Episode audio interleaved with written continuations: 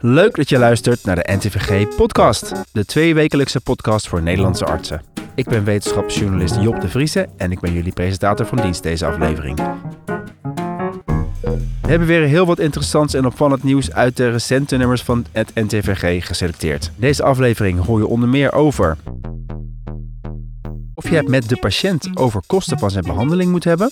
De urgentie hiervan die is enorm. Behandelen artsen in opleiding Tim en Ernst Jan hoogtepunten uit de recente internationale medische literatuur. We bespreken vandaag een onderzoek naar de zin en onzin van het vroeg toedienen van protonbinecomplex bij ernstige trauma's. We bespreken een belangrijke studie naar de waarde van prehabilitatie bij patiënten die geopereerd worden voor een colorectaal carcinoom. En we sluiten af met een studie naar hoe goed verstandelijke beperkingen worden herkend in de spreekkamer.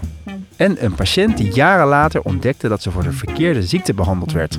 Pas jaren later bleek dat er bij haar sprake was van een erfelijke vorm van diabetes waarvoor de behandeling kon worden aangepast.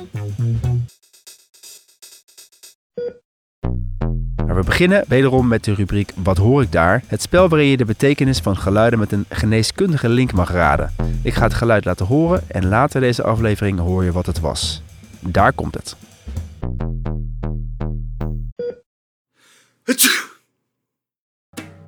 Alright, gaan wij door met het eerste interview van Anne. De budgetgroei in de zorg is alarmerend, maar het personeelstekort mogelijk nog alarmerender. Het dwingt nu al dagelijks tot keuzes. Wie kan wel en wie kan niet opgenomen worden of geopereerd? Wie wel of niet doorverwezen? Het NTVG start een reeks artikelen rond besluitvorming in de spreekkamer bij begrensde financiële middelen en beperkte beschikbaarheid van zorgprofessionals. Anne sprak met Gertjan van der Wild, hoogleraar Health Evidence in het Radboud UMC, die jarenlang bij het Zorginstituut de minister adviseerde over opname van middelen in het basispakket. En hij schreef het eerste artikel voor deze nieuwe serie. Goedemiddag Gertjan. Je schreef een artikel voor de nieuwe NTVG-serie rondom besluitvorming in de spreekkamer. En de vraag daarbij is: mag of misschien zelfs moet de dokter bij behandelkeuzes meewegen of de kosten en moeite van behandelingen met beperkte meerwaarde wel maatschappelijk verantwoord zijn. En als ik je goed begrepen heb en je artikel, vind je dat gesprek niet in de behandelkamer thuis horen. Klopt dat? Ja, dat klopt. Ik denk dat dat geen goede zaak is. Je moet als patiënt als je bij de dokter bent, erop kunnen vertrouwen dat de dokter datgene probeert te doen wat echt in, in jouw belang is. Daar moeten allerlei keuzes bij gemaakt worden. En je mag verwachten van de dokter dat hij dat ook duidelijk maakt. Uh, wat de opties zijn, uitlegt waarom hij of zij denkt dat het ene beter is dan het ander. Maar wat daarbij gebeurt is dat een hekje om de patiënt heen geplaatst wordt. En dat er daarbinnen wordt gekeken van wat is het optimale beleid. En er wordt niet gekeken naar die middelen die daarvoor nodig zijn. Zouden die misschien beter op een andere manier ingezet kunnen worden voor, voor andere patiënten of voor andere doeleinden? Je neemt in je artikel als voorbeeld het middel Ristiplam voor kinderen met de spierziekte SMA. En de kosten daarvan zijn erg hoog, naar verwachting 390.000 euro per kind per jaar, begreep ik. Hoort dat dan wel in het basispakket? Het Zorginstituut heeft er naar gekeken en uh, is tot de conclusie gekomen dat dat inderdaad in het basispakket thuis hoort, maar heeft daar vervolgens wel een belangrijke voorwaarde aan verbonden. En die heeft gezegd van de kosten zijn veel te hoog en die heeft de minister geadviseerd om het op te nemen onder voorwaarde dat de kosten met 93% worden verminderd. Als we de kosten dus niet moeten bespreken in de behandelkamer, Waar kunnen artsen het in het kader van maatschappelijke ontwikkelingen, zoals de toelating van Restiplam, dan wel over hebben met patiënten? Het is eigenlijk interessant om te zien dat bij uitstek bij zo'n middel als Restiplam gebleken is, kijk, ouders staan voor een heel lastige keuze. Die hebben een, een kindje waarvan op een gegeven moment duidelijk is geworden van ja, aanvankelijk was er niks aan de hand. Op een gegeven moment wordt duidelijk van, hé, hey, er is iets geks. En er rolt een diagnose uit van een dergelijke uh, spierziekte met een buitengewoon slechte prognose. Wel of niet starten met deze behandeling. Uh, de ouders in, in zo'n situatie hebben enorm veel behoefte aan iemand met wie ze alle voor's en tegens van uh, een dergelijke behandeling kunnen bespreken. En eigenlijk op basis daarvan proberen te bedenken hoe ontzettend lastig het ook is. Wat, wat zouden wij het liefst willen? Wat, wat past bij ons? En wat denken wij dat het meest in belang is van ons kind? En daar moet je tijd voor krijgen en voor nemen. En, en het lastige is met de huidige ontwikkelingen dat aan de ene kant zijn we geneigd om allerlei nieuwe, vrij kostbare behandelingen wel toe te laten tot het pakket. En tegelijkertijd proberen we ook heel sterk de kosten van de gezondheidszorg te beheersen. En als je niet uitkijkt, gaan die dingen als het ware tegen elkaar inwerken.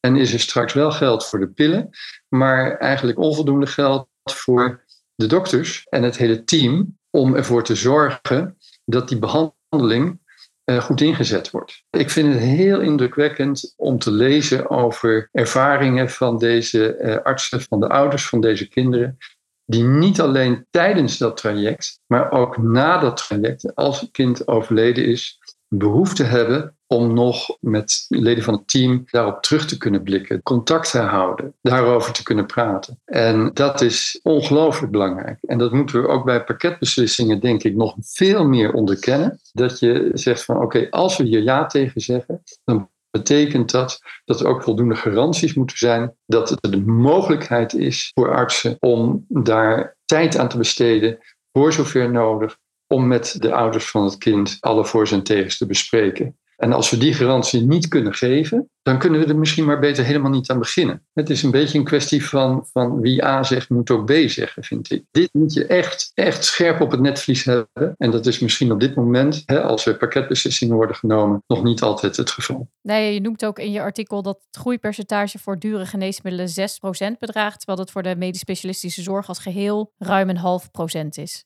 Ja, dat valt echt op. We hebben het dan over het integraal zorgakkoord. Daar staan deze eh, maximale groeipercentages in. Dat verschil dat valt op. Ik heb ook gezocht in het rapport naar de onderbouwing. Van wat zit daar nou achter? Wat voor argumenten? En die heb ik niet kunnen vinden. Ik vind het opmerkelijk, deze discrepantie. En het is een signaal, zo lijkt het wel, van ja, daar staan we eigenlijk meer groei toe. Als het gaat om nieuwe geneesmiddelen dan die sector van de medisch specialistische zorg. Die absoluut noodzakelijk is om dit in goede banen te leiden. Anders dan ben je echt verkeerd bezig. Ja. Dus concluderend, als we die zorgkosten niet nog veel verder willen laten stijgen, dan moeten we veel strenger zijn op wat er in het pakket komt. En eenmaal in het pakket moeten patiënten zelf voor alle opties kunnen kiezen. En er moet tijd zijn om die met de dokter te bespreken om tot een weloverwogen keuze te komen. Vat ik het zo goed samen? Ja, heel goed. De urgentie hiervan die is enorm. Want, want ik denk eerlijk gezegd zelf, hè, vaak zitten we een beetje te kijken van laten we dit doen tot het pakket of laten we dat doen tot het pakket. Maar als je realiseert dat we zo langzamerhand in Nederland ongeveer 100 miljard euro per jaar uitgeven aan zorg en je kijkt naar zeg maar de echt grote problemen die uh, voor de deur staan, de transitie die we moeten maken naar een meer duurzame samenleving ja, ik vraag me af of we ons kunnen veroorloven om zoveel geld aan de zorg uit te geven. En of het niet belangrijker wordt om meer in te zetten op andere dingen die uh, misschien op dit moment nog wel urgenter zijn. Daar gaan we een andere keer een gesprek over voeren, denk ik. Want volgens mij kunnen we daar zo'n hele podcast mee vullen. Ja. Dankjewel, Gert-Jan. Graag gedaan. Ja, dankjewel Anne en Gert-Jan. Het artikel van Gert-Jan van der Wild is uiteraard te vinden op ntvg.nl onder podcast. Wil je nou zelf een bijdrage leveren aan deze serie in de vorm van een ter discussiestuk, een klinische les of een perspectief? Dan word je daarvoor van harte uitgenodigd. Mail dan naar podcast.ntvg.nl. Reageren op de serie in de NTVG kan natuurlijk ook, want het laatste woord is hier duidelijk nog niet over gesproken. Dan gaan we nu over naar de warme douche, de rubriek waarin we mooie initiatieven in de medische wereld aandacht geven. We spreken Maaike Hersenvoort van Dokters van de Wereld over de gloednieuwe medische post die ze hebben geopend in Amsterdam-West voor mensen die moeite hebben met toegang tot de medische zorg.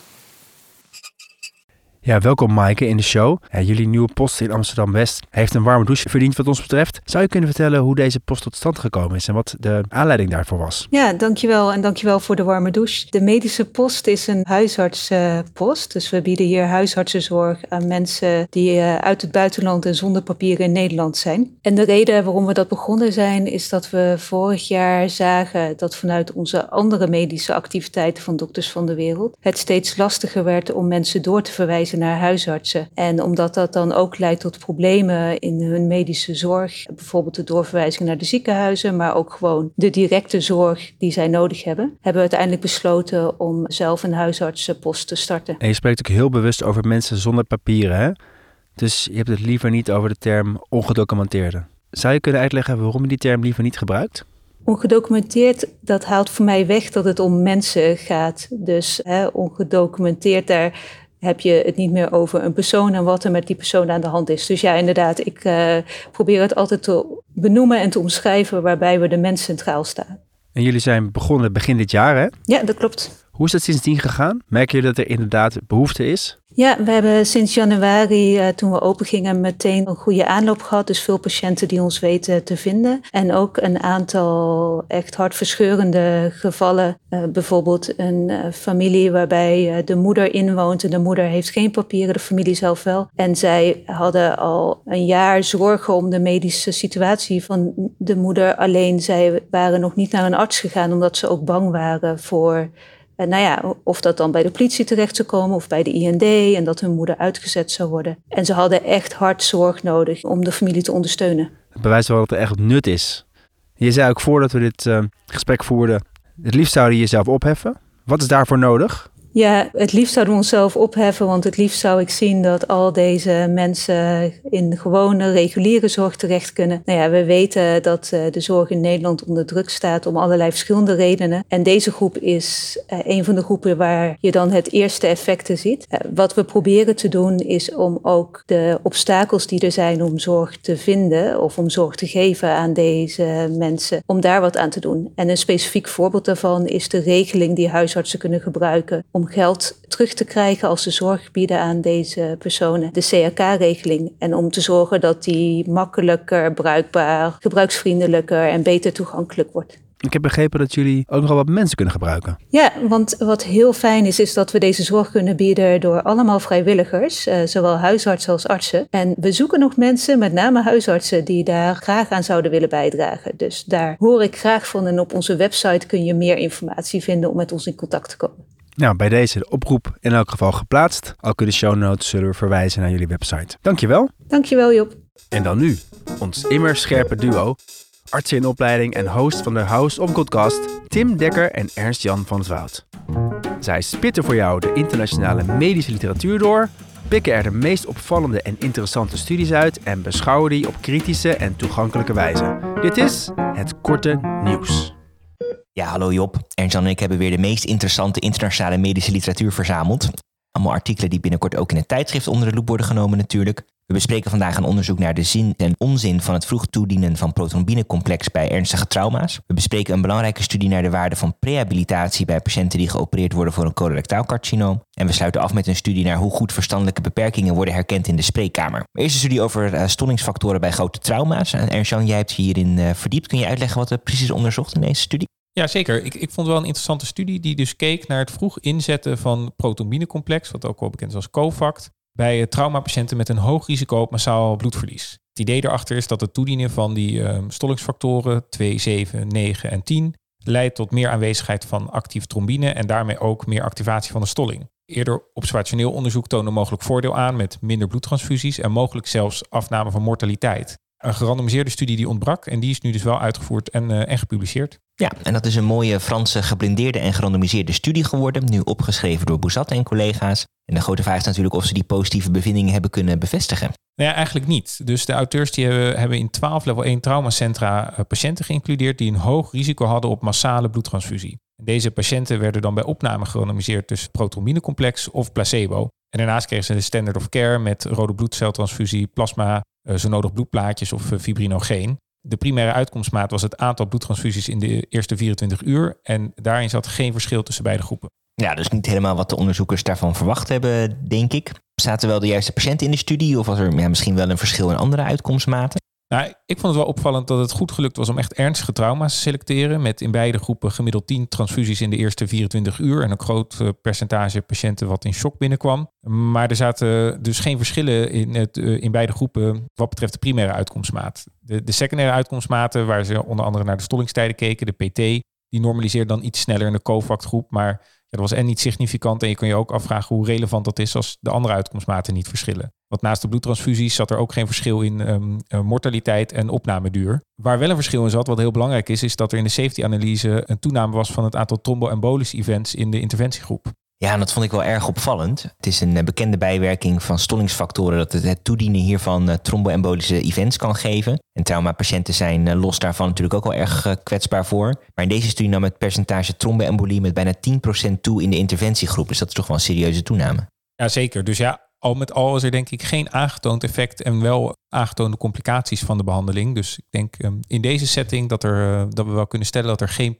plek is voor protonbinecomplex.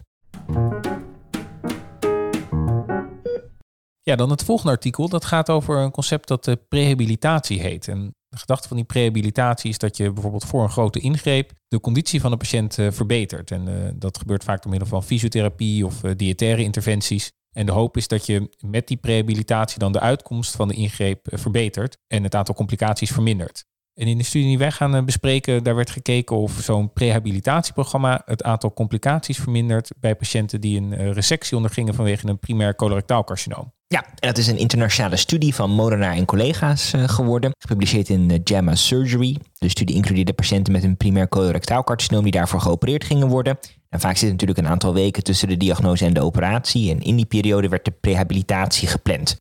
Althans voor de patiënten in de interventiegroep. Want de mensen in de controlegroep die werden gewoon volgens reguliere zorg uh, behandeld. En, en dat is vaak een soort multimodaal geheel, die prehabilitatie. Wat hield het precies in bij deze studie? Kan je dat vertellen? Ja, de patiënten kregen drie keer per week een intensieve training. Dus vaak een intervaltraining op de fiets uh, bijvoorbeeld. En ze kregen dieetadvies. Ze kregen met name advies op het gebied van eiwitinname. Ze kregen ook uh, zo nodig dan een hulpprogramma om te stoppen met roken. en er werd ook psychologische ondersteuning aangeboden. De psychologische interventies bestonden uit ontspanningstechniek en ook ademhalingsoefeningen. En als bleek dat er ook heel veel onrust rondom de operatie speelde, dan werd er ook nog een medische psycholoog ingeschakeld.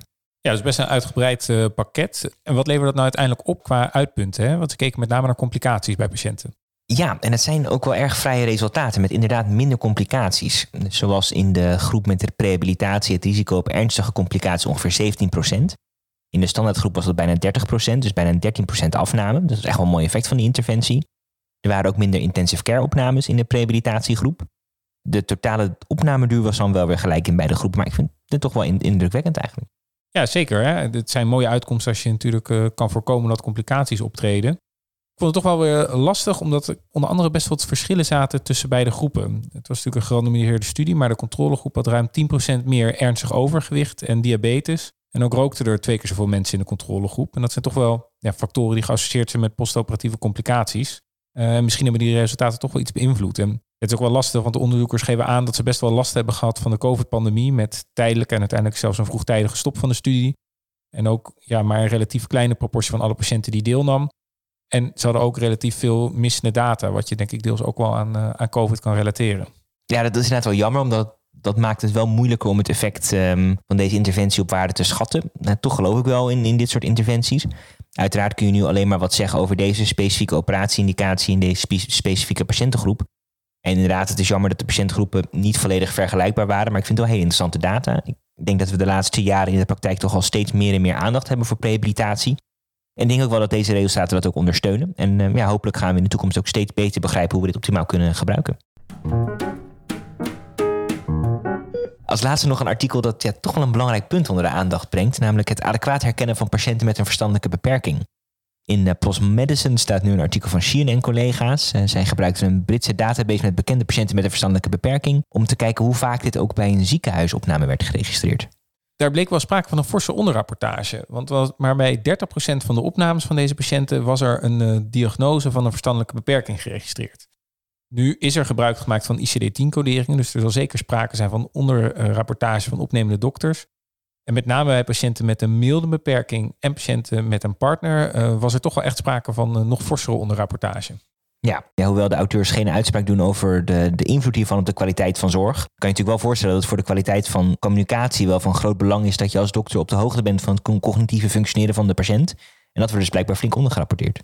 Ja, was het goede nieuws wel dat in de periode van zeven jaar dat ze hebben gekeken er wel een stijgende trend zat in, in hoe vaak de diagnose goed gesteld wordt. Ja, ik vond het toch wel jammer dat uh, er niet is gekeken naar wat er bijvoorbeeld in de status of in de brieven in de voorgeschiedenis stond. Persoonlijk kijk ik daar vaker om te kijken waar een patiënt mee bekend is dan naar de gestelde ICD-10-diagnoses. Maar ja, linksom of rechtsom is het denk ik wel goed dat dit punt onder de aandacht wordt gebracht. Ja, dat ben ik wel helemaal met je eens. En ook misschien wel interessant om een keer te kijken naar hoe dit bijvoorbeeld um, zit met laaggeletterdheid en hoe vaak dat uh, in de status uh, staat. Maar goed, allemaal dingen denk ik om morgen in de spreekkamer rekening mee te houden. Daar sluiten wij dan eh, voor nu mee af. Volgende week eh, zijn we er weer met de meest relevante medische literatuur van het laatste uur. En voor nu terug naar jou, Job. Bedankt mannen. We horen graag over twee weken weer van jullie. Van het wetenschappelijk nieuws gaan we door naar het antwoord op de vraag: wat hoor ik daar? Het geluid dat je aan het begin van de show hoorde is ingezonden door Paul van Dalen, internist, allergoloog, immunoloog in het Erasmus MC in Rotterdam. Welkom Paul, wat hebben we gehoord?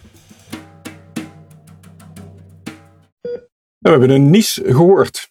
Ja, is het nou nog een specifieke nies of is dit gewoon een nies? Je kunt niet op basis van het geluid zeggen wat de oorzaak van de nies eh, is. Dus je kunt een verkoudheid nies hebben, Ja. je kunt een, eh, een nies hebben door het eh, inademen van peper of door een allergie natuurlijk. Nou heb ik begrepen uit betrouwbare bron dat dit een hooikoortsnies was. Dat klopt. Maar ik begreep ook dat er ook mensen, als ze een bepaalde pollenallergie hebben, ook nog een soort overgevoeligheid voor bepaald fruit erbij krijgen. Hoe zit dat precies? Dat klopt inderdaad. Je bent als je allergisch bent voor boompollen, met name allergisch voor een bepaald eiwit dat in die boompollen zit. En dat noemen we een PR10-eiwit. En datzelfde eiwit dat zit ook in diverse fruitsoorten. En op het moment dat je dan die fruitsoorten ook neemt waarin datzelfde eiwit eh, zit, dan kan dat ook leiden tot eh, allergieklachten, maar dan met name allergieklachten in de mond. En is het dan een kwestie van ook dat fruit maar niet meer eten of juist niet? Nou, als je heel veel klachten hebt bij het eten van bijvoorbeeld een appel, zou ik zeggen van eet hem dan vooral niet. Maar wat sommige mensen ook gaan doen, is inderdaad het vermijden op voorhand van, van fruitsoorten. En het vervelende is dat je dan juist eh, de klachten gaat krijgen op het moment dat je die fruitsoorten wel gaat eten. Dus nee, niet op voorhand Ja. vermijden. Zijn er nou nog verder nog medisch gezien interessante ontwikkelingen rondom allergieën? Ja, die zijn er wel. Kijk, de standaardbehandeling van allergische rhinitis, zoals hooikoorts eh, daar een voorbeeld eh, van is, is natuurlijk de corticosteroïde neusspray en de antihistaminica. Maar tegenwoordig krijgen patiënten met ernstige klachten van hun allergische rhinitis ook eh, immunotherapie aangeboden. De werking van eh, die vorm van therapie berust waarschijnlijk op het feit dat je meer IgG4 maakt. En eh, slimme wetenschappers hebben nu bedacht dat je misschien ook wel een IgG4-molecuul kan maken tegen datgene waar je allergisch ja. voor bent. En dat vervolgens inspuiten. Nou, veel dank. We zijn weer helemaal bijgepraat wat dit betreft. Top, helemaal goed. Succes. Oké, bedankt. We zijn aanbeland bij het tweede langere interview van vandaag. Een bijzonder verhaal over een patiënt die op volwassen leeftijd een diagnose kreeg die 16 jaar later niet bleek te kloppen. Al die jaren had ze toegekund met een veel mildere behandeling. Anne sprak met Karin van der Tuin, AIOS klinische genetica in het LUMC, over deze casus die het belang van levensloopgeneeskunde illustreert. Goedemiddag Karin. Jouw artikel vertelt een bijzondere casus. Kun je deze voor ons samenvatten? Ja, goedemiddag. Het gaat over een mevrouw die op volwassen leeftijd de diagnose type 1 diabetes kreeg en met insuline is behandeld. En pas jaren later bleek dat er bij haar sprake was van een erfelijke vorm van diabetes waarvoor de behandeling kon worden aangepast. En hoe kwam ze erachter dat ze toch iets anders had? Ja, deze mevrouw die herkende zichzelf al niet zo in het typische beeld wat beschreven wordt van mensen met type 1 diabetes. En zij is toen zelf op onderzoek uitgegaan naar wat er nog meer in haar leven is gebeurd. En daarbij was het opvallend dat zij op de babyleeftijd ook al een vorm van diabetes heeft gehad, een voorbijgaande vorm. En die twee gegevens met elkaar maakten dat ze zich afvroeg van, goh, kan er misschien toch iets anders aan de hand zijn? En hoe kwam zij daar dan toen ineens achter dat zij dat al eerder had gehad? Zij heeft dat met haar ouders besproken nadat ze zelf een kind heeft gekregen en wat meer geïnteresseerd was in die nou ja, neonatale periode. Ja. En haar ouders die vertelden dus dat er ook een artikel is geschreven over die neonatale periode van haar in het NTVG in 1980. En zij heeft destijds contact opgenomen met de auteurs van dat stuk om daar meer informatie over te krijgen. Wat bijzonder. En wat bleek toen? Nou, toen bleek dus dat er sprake was van een erfelijke vorm van voorbijgaande neonatale diabetes, waarvan we weten dat je daar op volwassen leeftijd soms opnieuw diabetes bij kan krijgen. Ja, waarvan we dan uit de literatuur weten dat mensen over het algemeen heel goed met tabletten behandeld kunnen worden en dat het dus niet nodig is om daarvoor insuline te spuiten.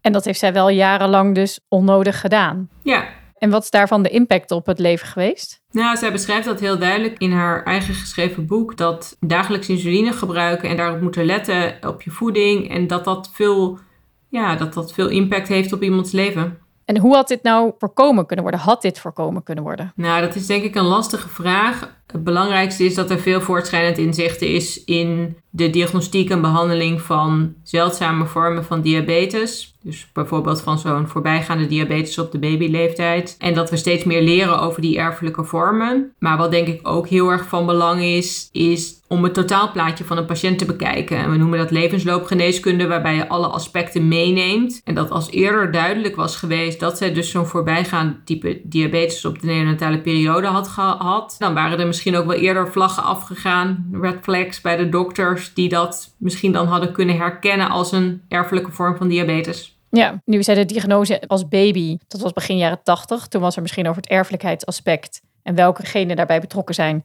nog wat minder bekend dan nu.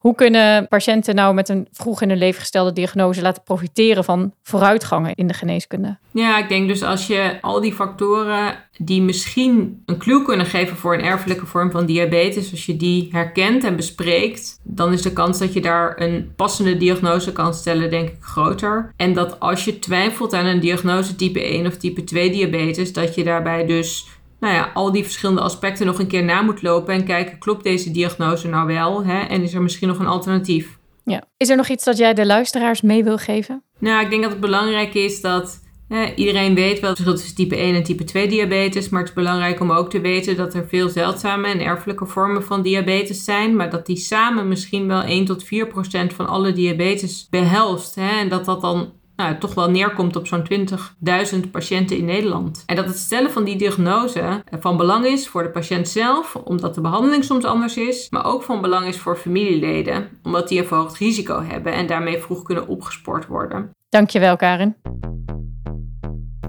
Ja, dankjewel Karin en natuurlijk Anne. Wil je nou het hele artikel over deze casus tot je nemen en lees het dan op onze website. We zijn alweer bij het allerlaatste onderdeel aangekomen van de uitzending, de tip van de redactie. Hier tegenover me zit Rosie Sikkel als vanouds, basisarts en nieuwsredacteur van NTVG. Welkom Rosie, wat heb je meegenomen deze keer? Ik heb dit keer een artikel van mijn collega Erna van Balen. Het is een interviewartikel waarin ze spreekt met uh, twee huisartsen, Jan Galesloot en Jeroen van der Linden. Waarin ze met hen spreekt over financiële hulpverlening uh, in de huisartspraktijk. Mhm. En het is eigenlijk een soort ja, pro-contra gesprek waarin Jan Galesloot vertelt over zijn ja, POH financiën die hij heeft geïmplementeerd in zijn praktijk. En Jeroen van der Linden die daar niet zoveel in ziet. Ja, ja. Het is een beetje de vraag, moet je dit soort hulp gaan aanbieden via de huisartsenpraktijk? Ja, Jan Galesloot die heeft een praktijk in Rotterdam in een wijk waar veel uh, sociale problematiek is en dus ook veel financiële problematiek. En die geeft eigenlijk aan van nou, je moet geneeskunde of, of de gezondheidszorg niet zien als puur iets somatisch, maar dat is veel meer vervlochten met sociologische problemen. Dus dat moet je meenemen in de zorg voor je patiënten. Ja. Terwijl uh, Jeroen van der Linden ja, eigenlijk meer wil afkaderen tot waar moet je de geneeskunde nou zien en tot waar loopt de verantwoordelijkheid van de huisarts nou precies. En dat is natuurlijk een onderwerp wat vaker in het nieuws is geweest, al dat huisartsen gewoon overwerkt zijn, veel te veel op hun bordje krijgen. Dus dit is denk ik wel een belangrijke discussie van tot waar moeten we nou gaan.